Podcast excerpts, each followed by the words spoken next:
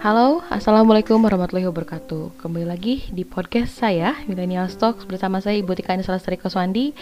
Dan pada episode kali ini kita akan membahas tentang manajemen merek ya Dengan tema uh, What is brand and brand management and what is customer base brand equity and brand positioning. Oke, kita mulai saja. Rekan-rekan pendengar semuanya, mungkin rekan-rekan mampu menggambarkan dan menyebutkan brand-brand yang logo-logonya itu merupakan logo-logo dari buah-buahan. Atau logo-logonya itu um, dari binatang-binatang atau bahkan benda-benda mati ya. Mungkin logo-logo itu bisa stays dalam um, pikiran kita karena desainnya yang unik adapun simbolnya yang uh, warnanya warna kesukaan kita maupun punya pengalaman-pengalaman tersendiri terhadap logo-logo tersebut. Nah, berbicara soal logo dan juga merek atau brand, Menurut Kotler, brand atau logo, e, merek adalah sebuah nama, istilah, tanda, simbol, rancangan, atau kombinasi semua unsur yang digunakan untuk mengenali produk atau jasa dari seseorang maupun sebuah kelompok penjual dari pesaingnya. Brand ini berfungsi sebagai satu ikatan yang kuat secara emosional antara pelanggan dan konsumen, tataran bagi opsi-opsi strategis dan kekuatan yang mempengaruhi secara finansial. Kekuatan merek ini mampu mengikat loyalitas pelanggan hingga mengantarkan keberhasilan bisnis, ketangguhan produk, hingga daya saing dari produk tersebut. Nah, brand dengan segala kekuatannya ini memiliki makna yang berbeda-beda dengan tujuan yang berbeda-beda pula. Mengutip dari Mark Plus Institute of Marketing, mengidentifikasikan enam tingkatan brand. Yang pertama adalah atribut, yaitu sebuah brand yang diharapkan mampu mengingatkan suatu atribut atau sifat tertentu.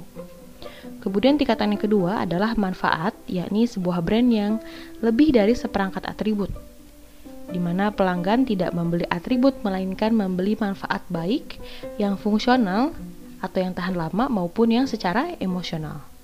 Sebuah brand yang bagus tidak hanya memiliki kekuatan menjelaskan produk kepada pelanggan saja, tetapi juga dibangun dengan konsistensi dari keunggulan produk tersebut.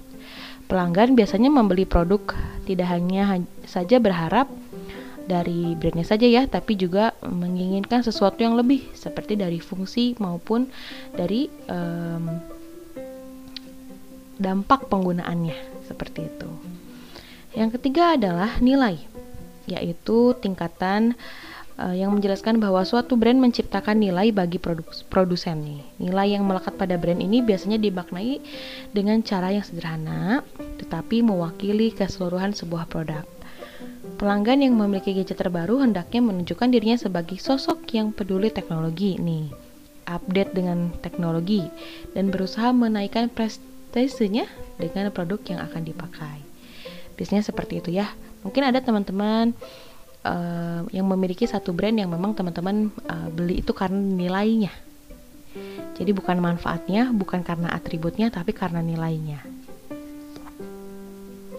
Selanjutnya adalah ini uh, tingkatan yang keempat ini tentang budaya, yakni suatu brand yang mewakili budaya tertentu. Misalnya saja kita sebutkan ini Mercedes ya, yang mewakili budaya Jerman yang efisien dan berkualitas tinggi.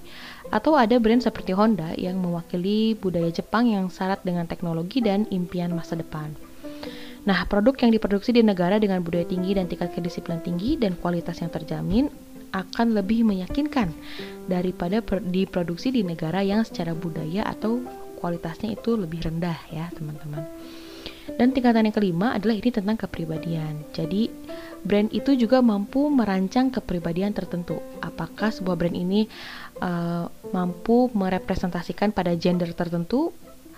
Bahkan ada um, brand yang memang secara logonya saja itu bisa merepresentasikan semua gender gitu. Dan yang terakhir adalah pemakai, yakni suatu brand akan memberi kesan kepada pengguna tersebut.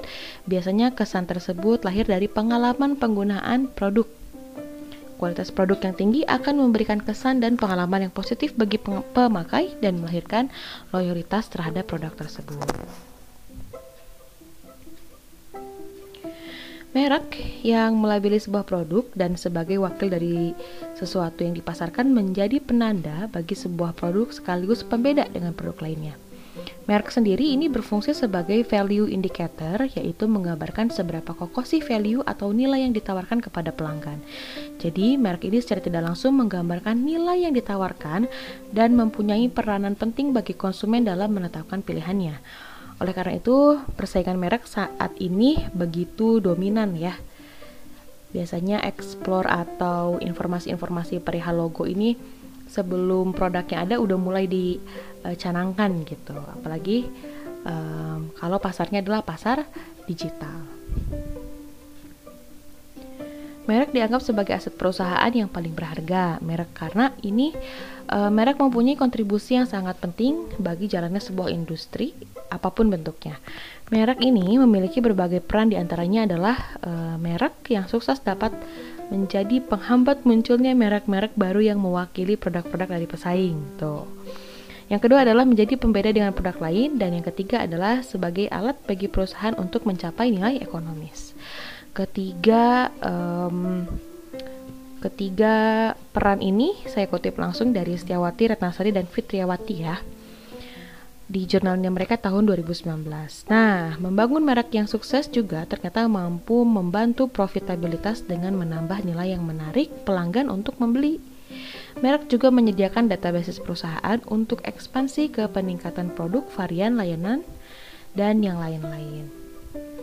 Kalau teman-teman baca di buku uh, Keller dan Armstrong ya, Kotler and Keller, sorry, Kotler and Keller itu um, ada model yang disebut model CBBE ya. Model ini adalah salah satu model uh, yang sangat terkenal khususnya dalam strategi uh, manaj uh, manajemen merek gitu atau uh, strategic brand management. Model ini bentuknya piramida di mana yang paling bawah ini adalah berkaitan tentang brand identity atau uh, secara simpelnya adalah bertanya who are you gitu. Di atas brand identity ini ada brand meaning, di mana dibagi menjadi dua bagian, ada performance dan imaginary. Ini biasanya untuk mempertanyakan what are you. Di atas brand meaning, ini ada brand response. Ini dibagi menjadi dua, ada judgment di sebelah kiri dan feeling di sebelah kanan. Ini untuk menanyakan what about you. Dan pada piramida uh, Keller's Brand Equity Model atau CBBE model ini di paling atas itu ada resonance. Biasanya pertanyaan yang ditanyakan adalah what about you and me. Model ini mampu membantu pemasar untuk mengetahui kira-kira produk kita ini berada pada posisi yang mana di mata konsumen, seperti itu.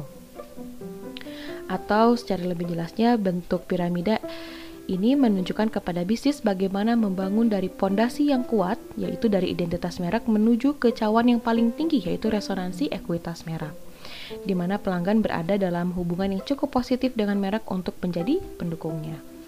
Jalan ke tingkat resonansi memberi peluang merek untuk mengenali dan memanfaatkan loyalitas dan sikap pelanggannya baik positif maupun negatif. Dengan membagi modal tersebut ke dalam empat tingkatan, pemasar ini mampu memahami apa yang diinginkan, apa yang dibutuhkan pelanggan mereka, bahkan sebelum mereka membeli produk ya, atau bahkan sebelum mereka tahu bahwa mereka menginginkan produk ini gitu.